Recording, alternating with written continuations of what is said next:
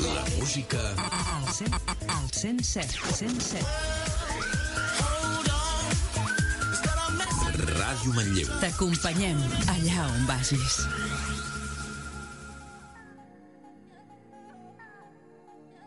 Tenim el que busques, un tema, un convidat i uns tertulians, i extraurem fins l'última paraula. Així que aquí i ara comença Parlem-ne. Molt bon vespre, benvinguts al programa número 14 de Parlem-ne. Avui de convidada tenim la Núria Macià, de l'Oficina de Promoció Econòmica de Manlleu, que ens, portarà, ens posarà al corrent de com ha anat el bar de Nadal i de com està l'economia de Manlleu. El tema d'avui serà, davant la crisi, és una bona sortida muntar una empresa?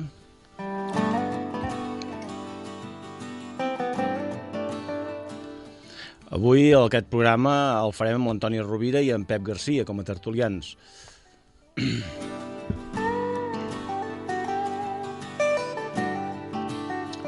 Comencem, amb brevetat, només eh, en Pep Garcia i Antònia Rovira. Com ho veieu, això de, de muntar una empresa?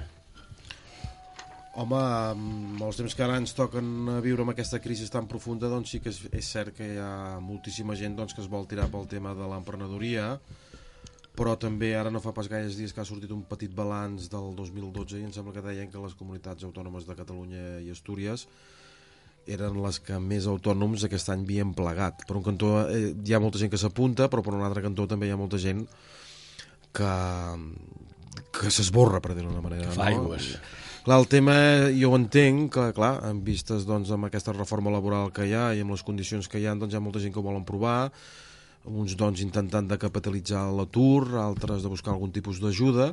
El que sí que m'ha sobtat aquest any, es veu que ha trencat molt, és el tema de les cooperatives. Es veu que aquí a Catalunya doncs, hi ha hagut moltes altes de, del tema de cooperatives, però clar, jo penso que això no és suficient, perquè jo penso que des de l'administració local, eh, Manlleu doncs, fa molts anys que està portant aquest tema, Vic, Barcelona Activa, etc que l'administració local està fa molts anys treballant amb el tema de l'emprenedoria, però en canvi, en quant al tema de l'administració de l'Estat, penso que hi ha una mancança d'ajuda important.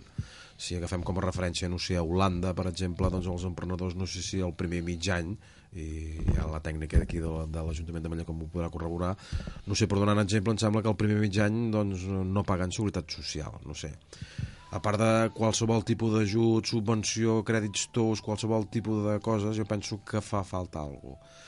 I això està escanyant moltíssim els nous emprenedors també hi ha doncs, molta gent doncs, que es pensa que el tipus d'ajuda que puguin rebre econòmicament doncs, eh, ho tindran abans d'exercir l'activitat la, i no funciona així. Eh, normalment els tràmits, eh, coses, coses de palacio van despacio, i per tant doncs, primer han de puginar parlant en plata doncs, els calés i llavors això ja ve després no? hi ha molta gent que es tira enrere eh? jo, estic esperant, jo treballo a l'Ajuntament de Vic i m'he fixat que hi ha molta gent que es pensa que tindran els calés abans i llavors doncs, en, en molts casos es frenen no? de dir, ostres, és que jo necessitaria això no? però bueno, podem anar parlant aquí amb la tertúlia però jo penso que sí, que degut a la crisi jo penso que hi ha moltíssima gent que, que vol provar el tema de l'emprenedoria, però, és clar per un altre cantó falla sobretot l'administració de l'Estat, el tema. Eh? Toni Rovira, que com ho veus això de muntar una empresa en Bé, aquests hola, temps? bona nit. Jo penso que aviam, muntar una empresa sempre és un bon moment per muntar una empresa. Eh? Ara, mm, el més difícil d'una empresa no és muntar-la, sinó mantenir-la. Eh? I ara, en moments de crisi, és molt difícil mantenir una empresa. Bàsicament, no, no per lo, els costos de muntar-la. Ja et dic que és més fàcil muntar-la que mantenir-la però esclar, en temps de crisi has de tindre molt clar què és el que montes, has de ser molt, molt innovador, has de tindre una mentalitat molt, molt fora del concepte que tenim ara per ara, has de crear un, una cosa que verdaderament tingui sortida, perquè és, ara és moment de reinventar-se. Diuen la gent entesa eh, en negocis que hi ha tres maneres de prosperar. Has d'aprofitar una guerra, has d'aprofitar una crisi, o has d'aprofitar un molt bon moment del mercat. Ara no és un molt bon moment del mercat, de cap tipus de mercat, i estem en crisi i ja veurem on anem. Perfecte.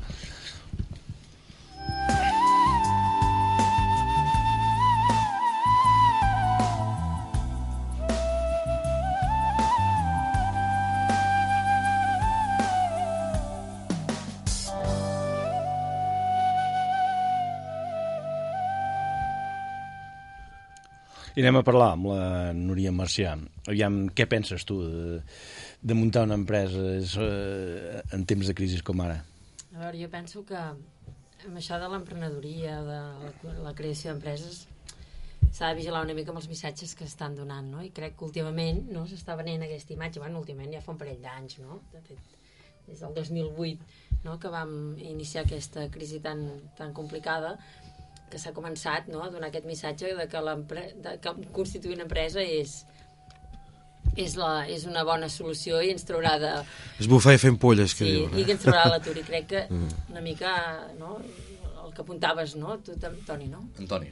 no? Dir, clar, muntar una empresa no és, no, No, és no, és fàcil. anar, no és anar a buscar bolets. No? I llavors jo crec que amb això a vegades és cert que en èpoques de crisi nosaltres ho veiem, no? tenim molts més, moltes més persones interessades i que d'entrada doncs, es plantegen, però també veus que, clar, muntar una empresa com a una sortida de desesperació crec que tampoc a vegades és la solució, no? S'ha de pensar molt bé, no? Clar, a vegades nosaltres ve gent que dius, ostres, hi gent que potser veus que no ha fet un procés de reflexió, de veure realment si, si allò que s'està plantejant com a activitat econòmica té un, un filó, si realment és algo que és competitiu, si realment ha analitzat el mercat i allò té sortida i, a mi em fa angúnia, no? Perquè dius, clar, aquesta persona capitalitza l'atur, per tant vol dir que tot el que ell ha cotitzat eh, al llarg de la seva vida la- laboral ara ho destinarà a un negoci que potser d'aquí un any o mig any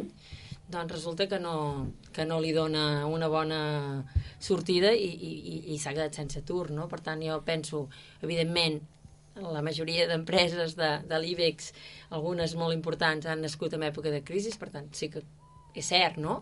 I està demostrat, no? A tot el món, no? Que en època de crisi apareixen empreses que, que tenen doncs, potencial de creixement, però també és cert que, que són moments molt complicats i, i penso que és això. No tothom està preparat per, per gestionar una empresa i en aquests moments eh, el mercat eh, és molt competitiu i per tant has de tenir molt clar amb, amb quin producte, amb, amb quin mercat, amb, amb quin respald, res, eh, amb quin recolzament, perquè jo ja fa molts anys no, que vinc treballant amb l'àmbit de la petita i mitjana empresa, també des de la Generalitat, i quan veu gent que es planteja obrir negoci perquè hi ha una subvenció, crec que això ja, ja és un problema, perquè les subvencions mai eh, seran la solució d'un negoci. Poden ajudar a finançar una inversió, però realment clar, el procés de constitució penso de, que ha de ser molt més reflexionat i, i, no, i no és tan fàcil com el que ens estan venent. Evidentment hi ha projectes d'autoocupació que és diferent, no? Si plantegem, doncs, bueno, és un petit comerç, una parada, un... però fins i tot un bar, vull dir que, clar, evidentment gestionar un negoci, jo penso que, que has de tenir una experiència, un coneixement. Als Estats Units la mitjana d'edat de, de la gent que constitueix una empresa és 45 anys i quan parles amb, amb els inversors de, de, de projectes, que sabem no? que, que el venture capital allà funciona i que hi ha molta gent disposada a invertir en projectes que et diuen nosaltres busquem gent que primer prioritzem l'equip, no? que hi hagi un visionari, la persona que tingui la idea, la persona que és capaç de, de, de baixar això a la realitat i la persona que està orientat al mercat. No? I busquem gent que d'alguna manera invertirem en aquests projectes si veiem que hi ha gent que també ja té una experiència professional. No? Llavors, penso que aquí, a vegades, amb això... eh, És que ha baixat l'edat, eh? És que estem parlant, eh, potser dues eh, dècades enrere, doncs hi havia el perfil d'emprenedor, era una persona de 40 en amunt, i ara cada vegada és més jove, no? I, Però, i, però jo, per exemple, això jo penso que això és un petit meus- problema, pot petit ser. pro- A veure, evidentment, això no vol dir que no pugui haver No, una no, persona no, amb perquè n'hi ha 30 que està capacitada perfectament, però no en general. Eh? I- Ja sí que hi ha un sector que sí que ara té molta sortida, que és el tema de les noves tecnologies, que això sí que... mm, Vaja, jo ho vaig veient, Mm. I jo precisament estic a l'Ajuntament de Vic a l'Espai Vit i allà tenim una sèrie de vies d'empreses i tot de, bueno, tenim des d'una empresa que té publicitat online, una altra que fa màrqueting online, una altra que fa pàgines web i té bastanta sortida. Però jo quan deia el tema abans de les ajudes, vull dir, ja estic parlant també de gent que doncs, ja fa una sèrie d'anys que ja està instaurada com a emprenedor i que tenen moltes dificultats perquè en el seu moment l'Ajuntament, l'Estat doncs, havia, eh, havia dit que millor potser doncs, si no cobres l'IVA doncs no, i al final s'ha quedat en res, els van escanyant constantment i no donen facilitats. I llavors la gent que vol introduir-se ara jo també puc entendre doncs, que estan molt desesperats és una situació, hi ha gent que doncs, ja, ja no cobren o tenen molt pocs mesos ja d'atur, hi ha molta gent i, i, jo també ho entenc és que és, estem en una situació molt difícil però esclar, has de tenir una idea molt concreta un producte... Bueno, també diuen que has de ser molt original, però a vegades tampoc es tracta de, de ser original, sinó que es tracta que el producte que fas tingui una sortida, no saps per què, perquè a vegades també és un cúmul de circumstàncies, també de la sort també influeix molt. Evidentment, si tu vols eh, tu- o busques una activitat que no, no sigui gaire coneguda, doncs té bastant, potencialment és molt important, perquè clar, és que últimament, jo ara no sé, però fa dos anys enrere que tot eren gent que volien obrir botigues de roba de canalla, botigues de sabates, que és clar, això està a cabassos, i vull dir, clar, això no porta una... No porta, diguéssim... No, a veure, el que està clar és que en aquests moments, quan tenim uns, uns volums no, de, de, Mm. de creixement no, o estancament del PIB, però quan sabem que hi ha sectors que estan decreixent un 60%, vol dir que n'hi ha altres Sí. que estan creixent, no? Per tant, és cert que no, que no tot està... I per tant, sí, sí, es tracta també, en aquests moments, el, pensem, el consum hedonista està augmentant, però està clar que són ninxos de mercat petits, no? I que, i que doncs, per, segurament per una empresa amb una dimensió més petita o bé eh, també eh, tot el que és el low cost, no? També està clar que en aquests moments... Eh, La música Al 100, al 107, 107. Ràdio Manlleu. T'acompanyem allà on vagis.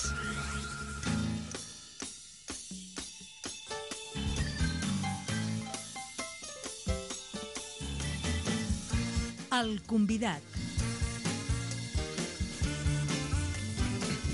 Avui parlem amb la Núria Macià. Ella és la que porta l'Oficina de Promoció Econòmica de Manlleu. Molt bona tarda, que de fet ja has parlat abans, tu, Núria.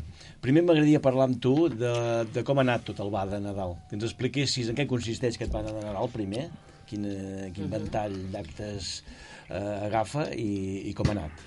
De fet, el de Nadal és un paraigües aquí a Manlleu, no? És un paraigües de totes les activitats, tant, tant siguin culturals, com esportives, com d'oci, que es produeixen no? durant totes les festes, i una mica és el, la marca paraigües i que des de promoció econòmica, bàsicament, el que liderem és tota la instal·lació de, de la pista de gel i, i la ludoteca a la plaça, perquè, bueno, d'alguna manera, doncs, és, és l'eix vertebrador de, de, de tot el, de, del de Nadal i sobretot perquè és la part, d'alguna manera, que des de promoció econòmica eh, potenciem, perquè bueno, és una activitat que porta afluència de gent a Manlleu i per tant ajuda a que en aquesta època de, de festes doncs, bueno, el comerç també doncs, tingui una afluència de públic de, de, Fa anys que porteu la pista eh, de gel a Sí, a la pista de gel ja, em sembla que estem parlant, ara m'agafes que no me'n recordo, però em sembla que és les, la setzena edició. Déu-n'hi-do.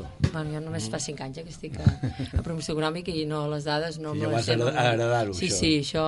No, jo penso que és una aposta important i, de fet, si algun dia no la tinc... De fet, una de les pors, moltes de quan, quan fem reunions amb la taula de comerç o amb el MAP, eh, sempre, ostres, no podem deixar de tenir la pista perquè realment el comerç ens surt molt beneficiat i clar, el comerç és, un, és una de les activitats econòmiques avui molt importants a Manlleu fa uns anys el sector serveis aquí en els 90 era abans del 92 era molt, molt poc important perquè era més una, una, una activitat, hi havia més activitat econòmica metal·lúrgica, eh, Tèxtil, tèxtil sí. no?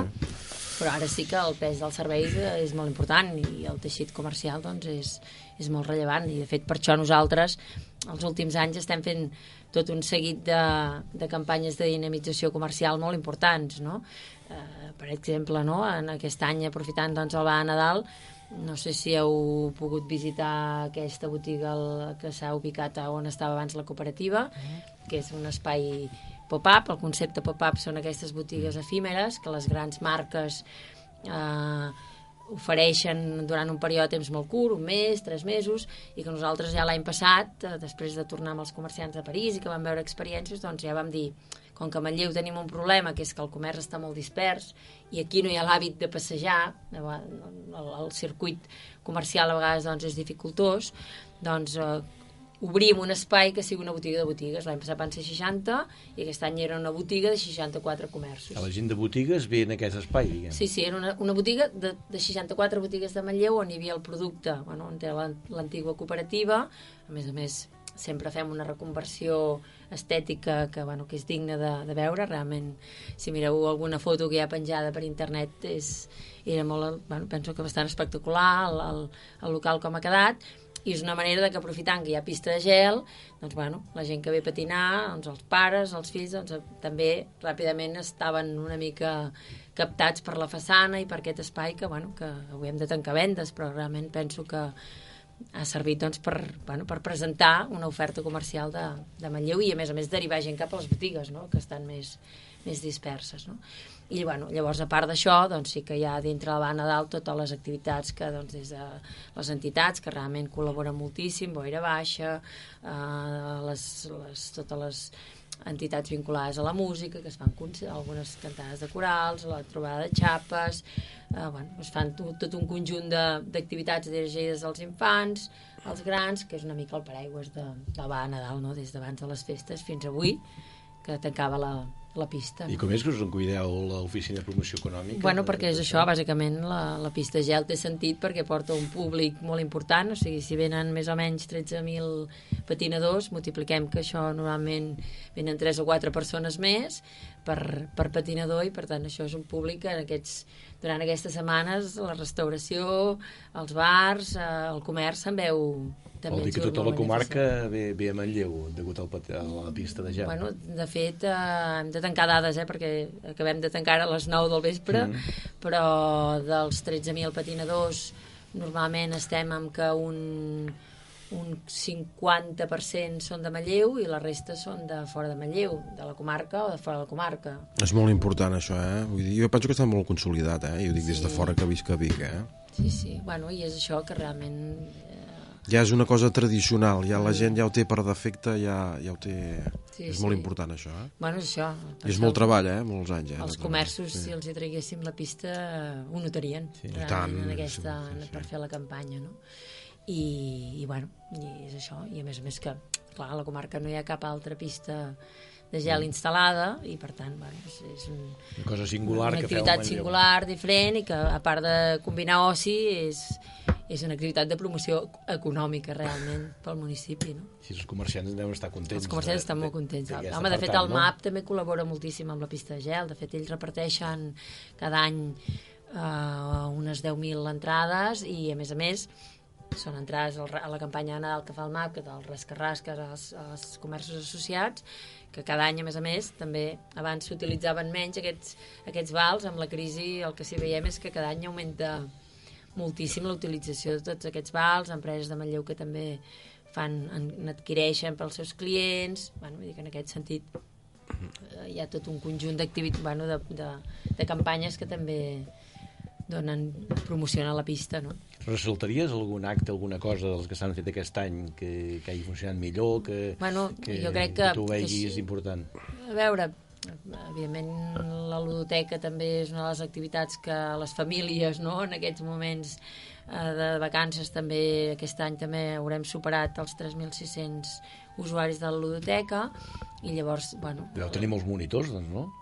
Bueno, aquesta l'externalitzem, la porta molt màgic i bueno, en funció de la franja d'horaris també fan el casal de Nadal dels matins i a les tardes, però realment aquest any estaven bastant desbordats, vull dir que, que realment ha generat també ocupació, que penso que això també també és interessant en aquests moments, cada lloc de treball és important, no, no, no podem parlar de grans números, i, i llavors també bueno, hi ha l'activitat típica sempre de la boira baixa dels tions, que sempre té molt d'èxit, evidentment la cavalcada, que també està dintre el marc de, de va a Nadal, i aquest any hi ha com un segon any que complementa, el, jo diria el va de Nadal, però que no ho organitzem nosaltres, sinó que es fa des de cultura, és tot el, tot el, el projecte IDEA, no? que és aquest complement d'un va de Nadal més cultural que es fa dalt Vila, que es va fer el 27, 28 i 29, que penso que està molt bé, perquè bueno, és això, un complement a una activitat molt més cultural, molt més artística, on van haver-hi doncs, durant tres dies un conjunt d'activitats vinculades bàsicament a la música, als poemes, al, rec- bueno, es van fer alguna nit literària, una trobada de corals a, Santa Maria, que fins i tot va venir una coral de l'Alguer. Bueno, penso que segurament anys enrere aquesta part més cultural en el Nadal potser doncs, quedava poc, poc balancejada i ara doncs, és, és, s'ha compensat amb, amb tot això que fan des de cultura, eh? aquí sí que nosaltres... M'imagino que fareu l'anàlisi, ho estudiareu tot.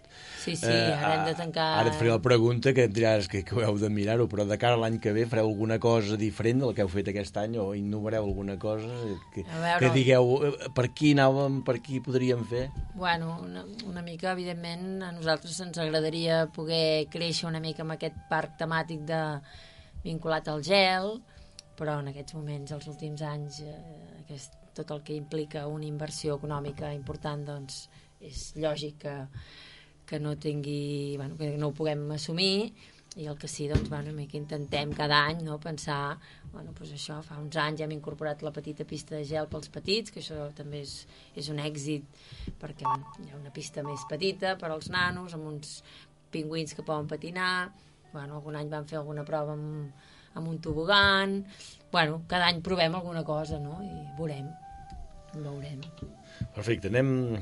No sé si vols parlar d'alguna altra cosa del Bana de Nadal, Diana. No, no, penso que aquest any, eh, a més a més amb la plaça acabada, doncs, bueno, evidentment L'heu estrenada, a més l'hem estrenada no, amb, amb la pista i que, bueno, que també doncs, eh, ha lluït més i que segurament el que hauríem d'intentar és aconseguir que estigui una mica més il·luminada, no? que també eh, segurament això falla una mica, però bueno, ho anirem treballant. Anem a conèixer l'Oficina de Promoció Econòmica de Manlleu una miqueta. Qui pot acudir i què podeu solucionar a l'Oficina de Promoció Econòmica de Manlleu? A veure, nosaltres sempre diem que tenim tres àmbits de treball. Les persones, les empreses i el territori. Llavors, per les persones, nosaltres aquí bàsicament treballem. La part més important és el servei local d'ocupació. Nosaltres tenim un equip de sis persones, entre l'equip de formació i els insertors, que treballen no? perquè les persones que estan aturades o que estan en situació de, de voler millorar la, la seva la seva feina, pro- la seva vida professional, doncs bueno, des d'allà se'ls pugui ajudar una mica amb aquest procés. No? Llavors, evidentment, en aquests moments on a Manlleu tenim un percentatge d'atur molt elevat, i estem parlant del 21 i pico. Vols dir que I- més que les altres ciutats i pobles de la comarca? Mm, Sí, sí, Manlleu és el municipi amb, amb més atur de la comarca i un dels amb més atur que tenim a, a nivell català. Uh, llavors, evidentment, el que no podem fer és generar expectatives de que, de que aconseguirem llocs de treball, perquè és això, els nivells d'atur i com podem incidir des del món local, tampoc, eh, d'alguna manera, sempre, fins i tot des del Servei d'Ocupació de Catalunya, l'Ester Sánchez, que és la seva directora, sempre diu, en aquests moments el que hem de fer és ajudar a que la gent es formi i estigui preparada perquè quan comencin a haver-hi més ofertes de lloc de treball la gent estigui preparada per treballar. Evidentment, nosaltres intentem captar quantes més ofertes de treball millor i estem fent, aquest any portem 80 visites a empreses, quan sabem que s'obre un local a la comarca, evidentment som els primers a trucar i oferir els nostres serveis, intentem, evidentment, captar el màxim d'ofertes, però és, és, està clar que en aquests moments d'ofertes n'hi ha poques, no? Llavors nosaltres aquí el que sí que treballem I vist de gent que vol treballar molt, m'imagino. Vol dir que la bossa deu estar molt descompensada, està no? totalment descompensada. Eh, Aquí i a tot arreu, eh? Eh, Això és, és així.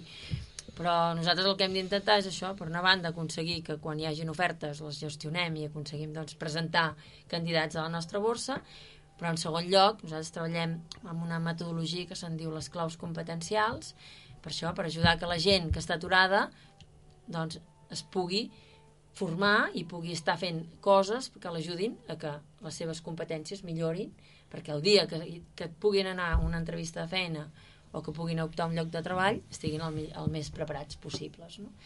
I bueno, una mica el que intentem aquí es fa moltes sessions col·lectives, de com preparar el currículum, de conèixer les seves les pròpies competències, bueno, es va treballant amb diferents. Llavors també fem formació ocupacional, també ara mateix hem arrencat doncs, un programa de Mossos de- de- de- d'auxiliars de, de, magatzem, uh, d'aquí poc un altre d'atenció al client, bueno, intentem totes aquelles subvencions que el Servei d'Ocupació de Catalunya o la Diputació podem, ens podem presentar per intentar fer activitats que, que, que els aturats de, de Manlleu i de l'àrea d'influència s'hi puguin acollir. No? Quan ve una persona que se li acaba l'atur i ja està els últims mesos, quina sortida econòmica li doneu des de l'oficina, per exemple? Nosaltres no podem donar cap sortida, és això, nosaltres no tenim subvencions, no tenim això, eh, les prestacions que hi han, una mica com, com bé deia en Pep, eh, en aquest tema nosaltres aquí no, no el, el, el món local no té capacitat ni, ni, ni, ni responsabilitat. Nosaltres el que podem intentar, bueno, evidentment és això, que, que, que gestioni la part de, de l'atur, de les prestacions, però bueno, això és algo que no, nosaltres només podem orientar, no? o que la gent que encara que no tingui tur estigui donat d'alta a l'OTG, perquè, perquè també cada any hi ha tota una sèrie de, de programes um, subvencionats per la Generalitat, que els ajuntaments podem contractar gent que estan aturats. Des de nosaltres ara mateix, del 31 de desembre, vam contractar 30 persones amb el programa Treball als Barris. Per poder contractar persones per aquests programes han d'estar apuntades a l'oficina de treball per poder optar, no? perquè ens les deriven des de l'OTG. Llavors, el que sí que intentem és això, que la gent conegui tots els circuits que hi han a l'hora de poder optar tant a ofertes públiques com, com a altres. No? Imagino que ha canviat l'enfoc de l'oficina econòmica des de la crisi. Abans devíeu treballar amb una metodologia, devíeu fer una sèrie de coses, i ara, eh, amb aquesta crisi tan profunda que tenim, des de fa almenys 4 anys, deveu treballar d'una altra, no? Bueno, és això. Amb, amb els aturats, nosaltres ara tenim clar que, i per això hem format, durant un any i mig hem format a tots els insertors i a la gent que està a formació perquè eh, nosaltres ara, fins ara, l'administració, o sigui, hi ha hagut un boom immobiliari, però també hi ha hagut un boom de subvencions. I les administracions, amb això, també també ens hem mal acostumat. I ens hem acostumat a que fem, a que fem molts programes per ajudar els aturats, per ajudar a les empreses, sempre només quan hi havia subvencions. Nosaltres tenim una estructura important i, i una mica la nostra filosofia ha set, encara que no hi hagin subvencions, nosaltres quan atenem un aturat li hem de poder aportar valor. I per això vam formar tota la gent amb aquesta metodologia de les claus competencials que, que a més a més ara el, la Generalitat en, en comença a parlar, la Diputació també, i que hi ha altres zones d'Europa que ja fa temps que treballen amb aquesta dinàmica. Nosaltres abans recollíem dades de la gent i li dèiem has d'anar aquí, has d'anar allà. Ara no. Ara nosaltres, els nostres tècnics, poden fer sessions d'orientació on la gent conegui millor quines són les seves competències, veure quines són les, què està demandant el mercat de treball, perquè clar, la gent, evidentment, hem de ser conscients de a, on, a quins llocs podem optar i quina carrera professional volem fer i quin camí de formació hem de seguir si volem anar cap allà, no? Mm. I què passa? Que en èpoques de bonança el mercat laboral ha absorbit a gent que potser l'indicador d'ocupació estava molt lluny, no? Bueno, clar, tenim molta gent, per exemple, que, que té uns graus d'analfabetisme important. Clar, en època de bonança, on hi havia molta feina per peonatge, aquesta gent tenia feina. Ara és, són persones que l'indicador que estan molt lluny de trobar una ocupació. Per tant, s'ha d'aconseguir que la gent sigui conscient que com a mínim ha de, ha de poder-se comunicar en, en català.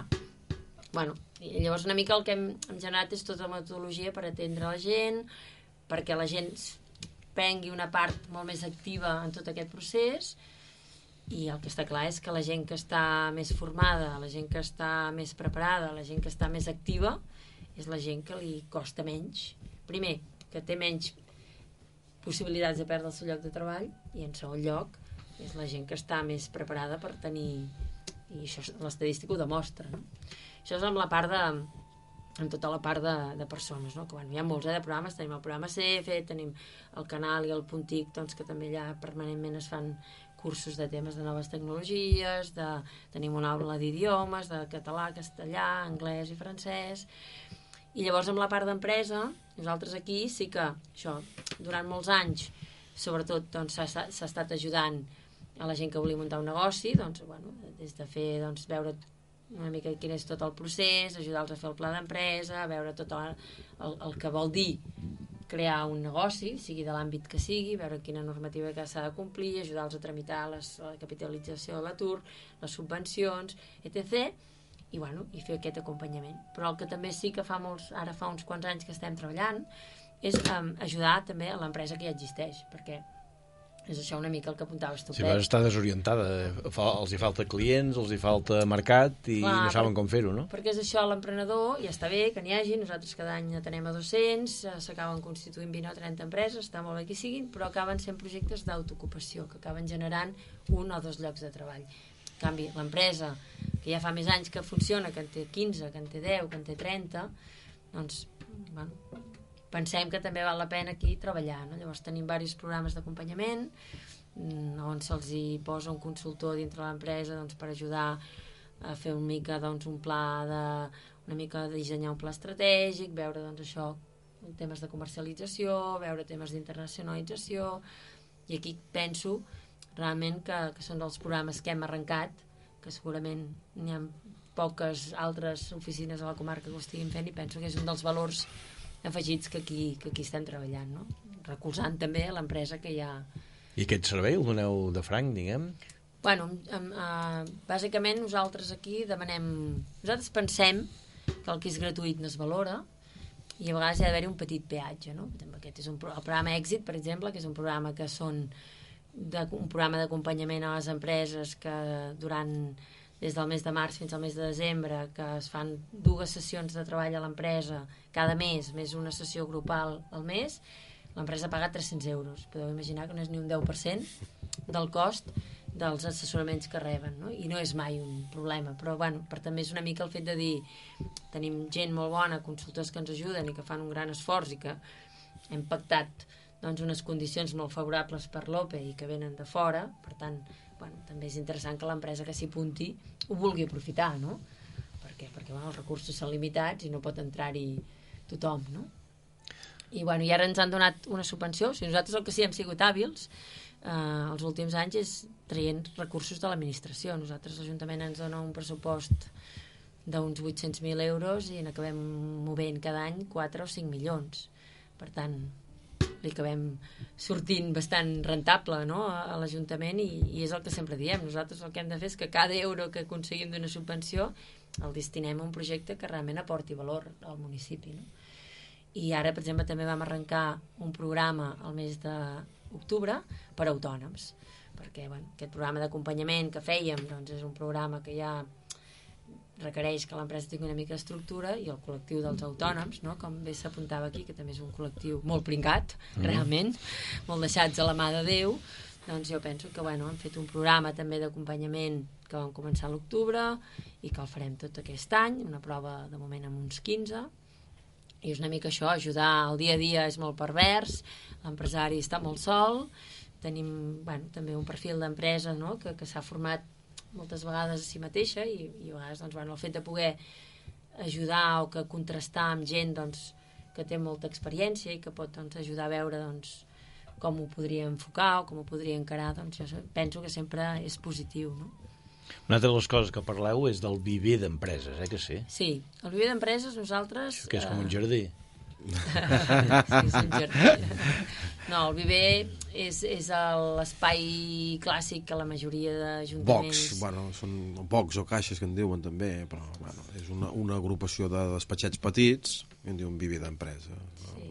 Ah, i, i faciliten el local, diguem. Sí, bueno, signen un conveni amb l'Ajuntament de Torn i doncs tenen, un- bueno, durant un temps limitat, almenys estic parlant d'allà a l'Ajuntament de Vic, són en aquest cas van, tres. bueno, eh, màxim poden estar són 3 anys, però cada 6 mesos van renovant el conveni pel tema de drets i obligacions i en el lloc on estic jo, doncs, bueno, amb aquest conveni doncs, tenen tots els espais a disposició d'ells, des de sala de reunions, a l'auditori per exposar qualsevol tipus de productes amb clients potencials, reunions internes, fer qualsevol tipus de presentació i bueno, és, és una ajuda, diguéssim, mm, a empreses que o bé són de nova creació o que porten una antiguitat petita, eh? Vull dir, clar, si estem parlant ja de d'activitats que ja tenen 10 anys eh, possiblement en aquests moments potser poden canviar de criteri eh? però jo penso que, que agafen empreses de 3, 4 anys d'experiència però no, no més enllà eh?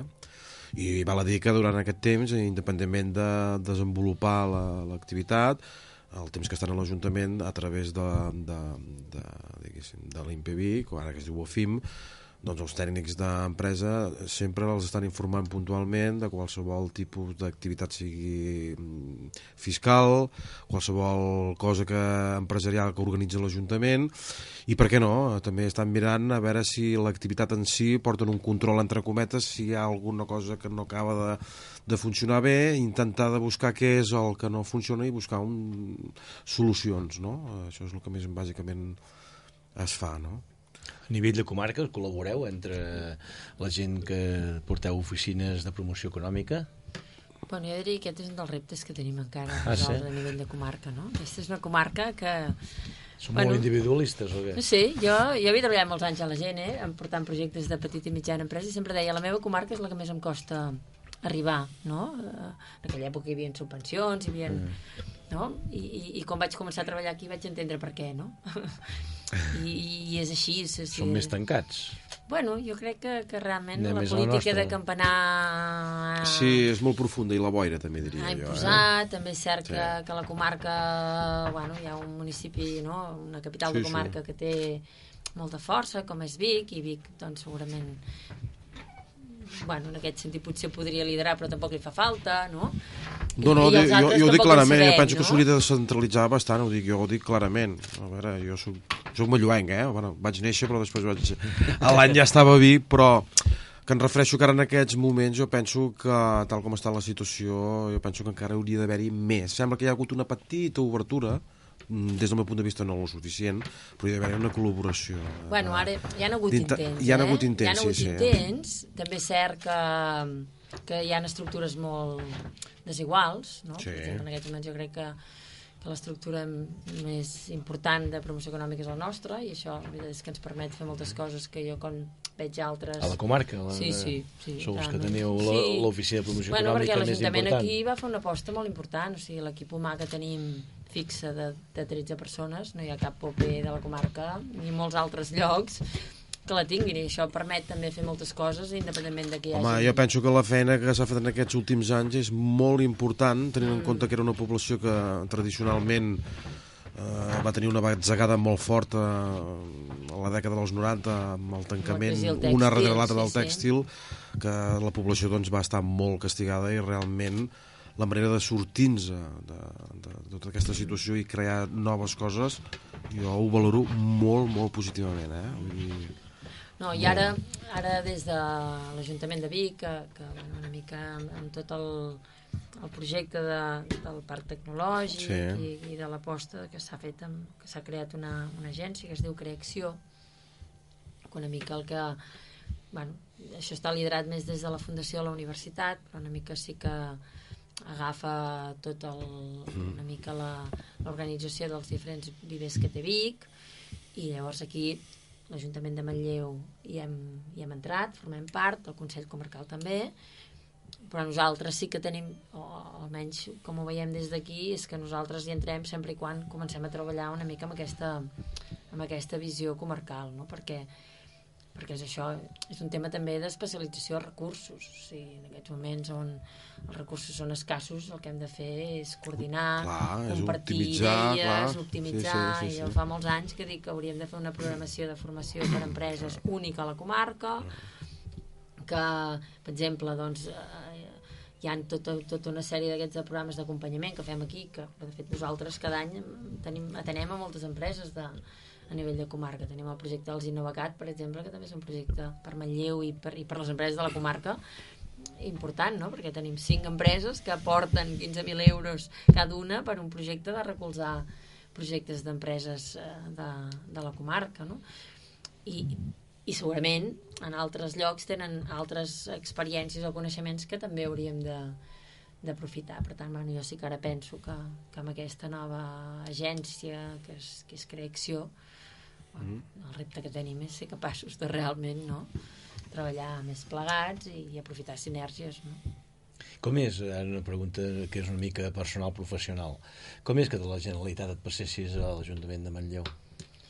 Bueno, jo als 18 anys vaig marxar a la comarca a estudiar i no vaig tornar mai més, vull dir que no havia treballat mai aquí i jo vaig durant molts anys estar a Amèrica Llatina, eh, bueno, voltant por ahí i, i arriba un punt que com que la terra tira, no? Vaig tenir ganes de, de dit tornar... que havies treballat a la Generalitat, no? Sí, sí, sí. I, i després Estava vas... el COPCA, que és l'agència, el Consorci de Promoció Comercial de Catalunya, que és l'organisme que ajuda a la internacionalització de les empreses. I, i sí, i llavors, bueno, vaig venir a fer una xerrada aquí, precisament de temes d'internacionalització, i llavors, bueno, l'Armínia, no?, que, que és la que jo vaig substituir, va explicar que, bueno, una mica que marxava, que hi havia aquest procés, i, I va interessar. bueno, la veritat és que jo sabia que la, des de l'OPE estaven fent coses interessants, realment m'agradava el que havia vist i, i bueno, i realment estic supercontenta de, de, d'aquesta aposta, eh? Home, és una feina molt diferent, que toquem moltes tecles i m'ho estic passant molt bé, estic aprenent molt, estic treballant molt. I estàs ensenyant molt.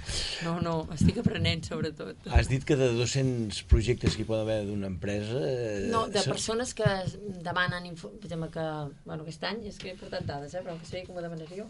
Perquè vosaltres feu sessions grupals aquí cada setmana... Sí, fem sessions grupals, um, fem sessions també individuals. Mhm. Però això ja Grups, potser ja és una cosa més aquests? definida, no?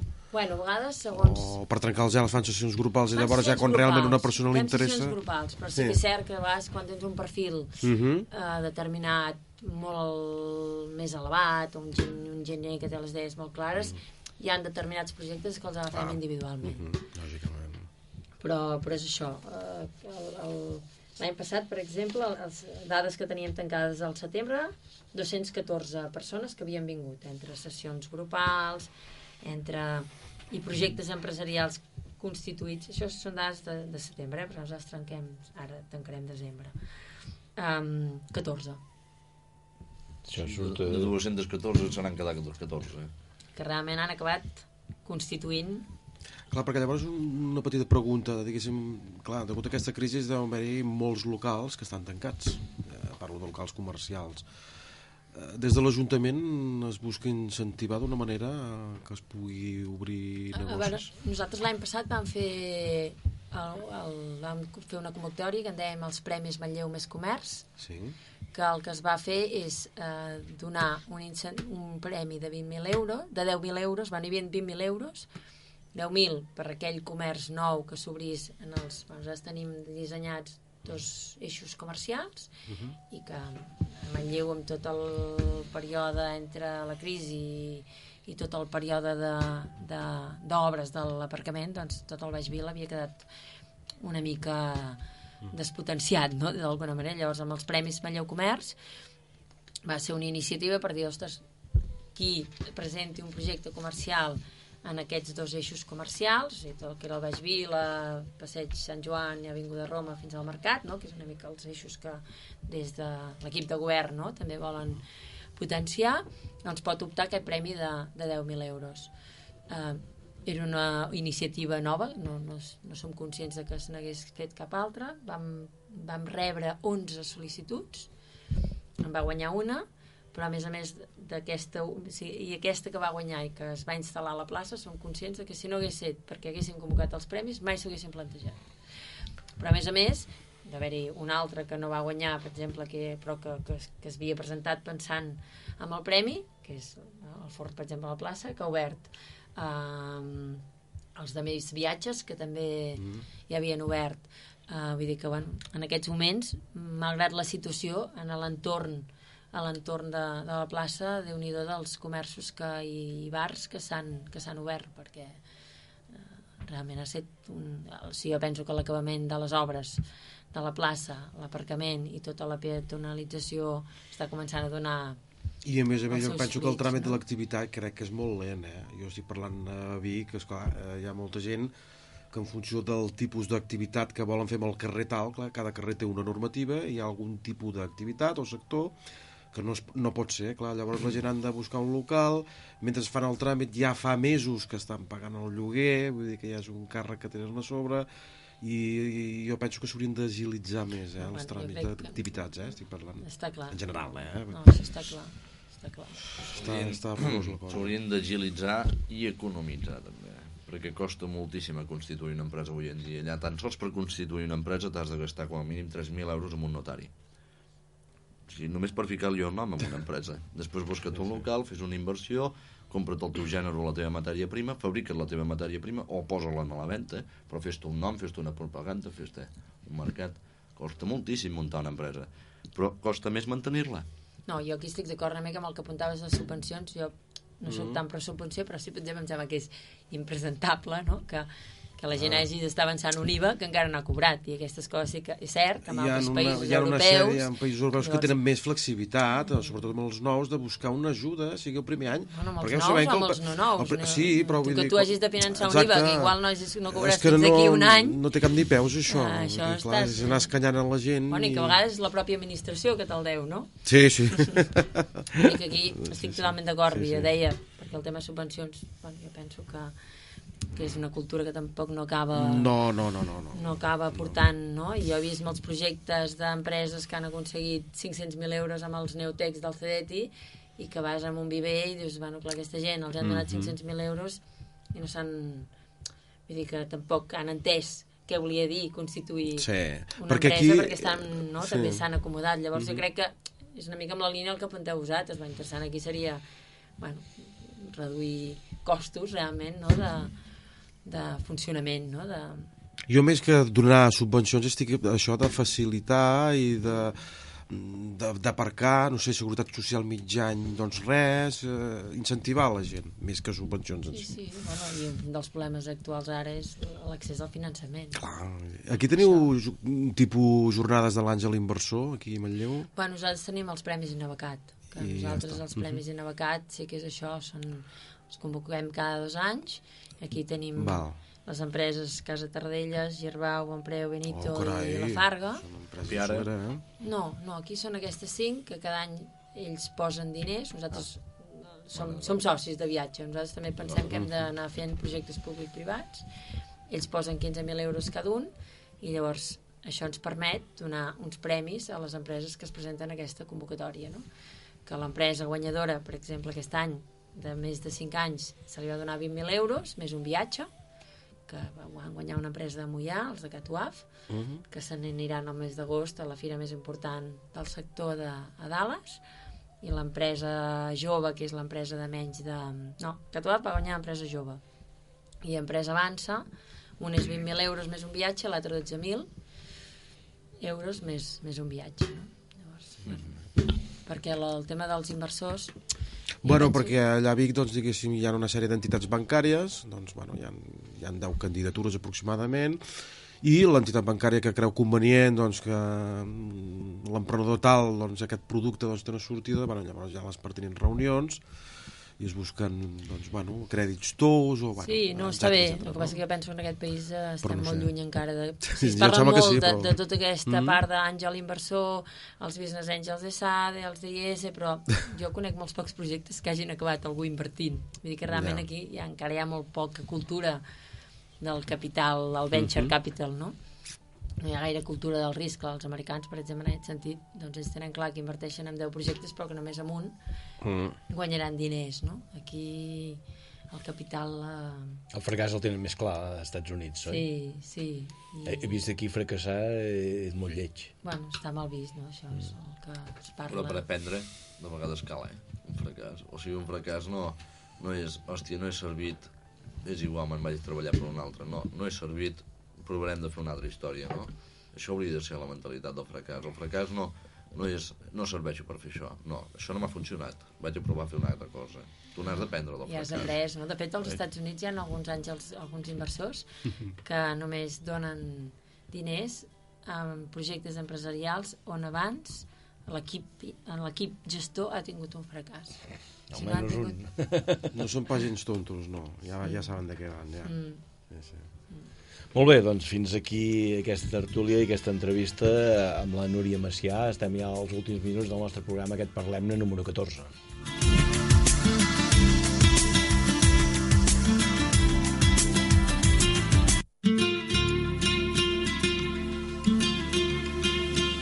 fet possible aquest programa l'Antoni Rovira, en Pep Garcia com a tertulians i com a convidat hem tinguda, com, com a convidada, la Núria Macià, cap de Servei de Promoció Econòmica de Manlleu, en Marc Caselles i en Paquito López, dels controls.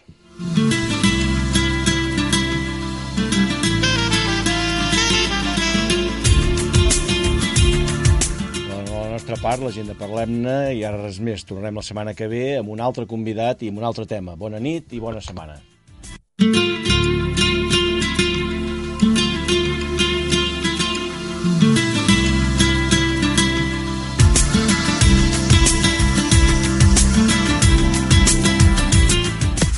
música. Al, cent, al 107, 107. Ràdio Manlleu. T'acompanyem allà on vagis.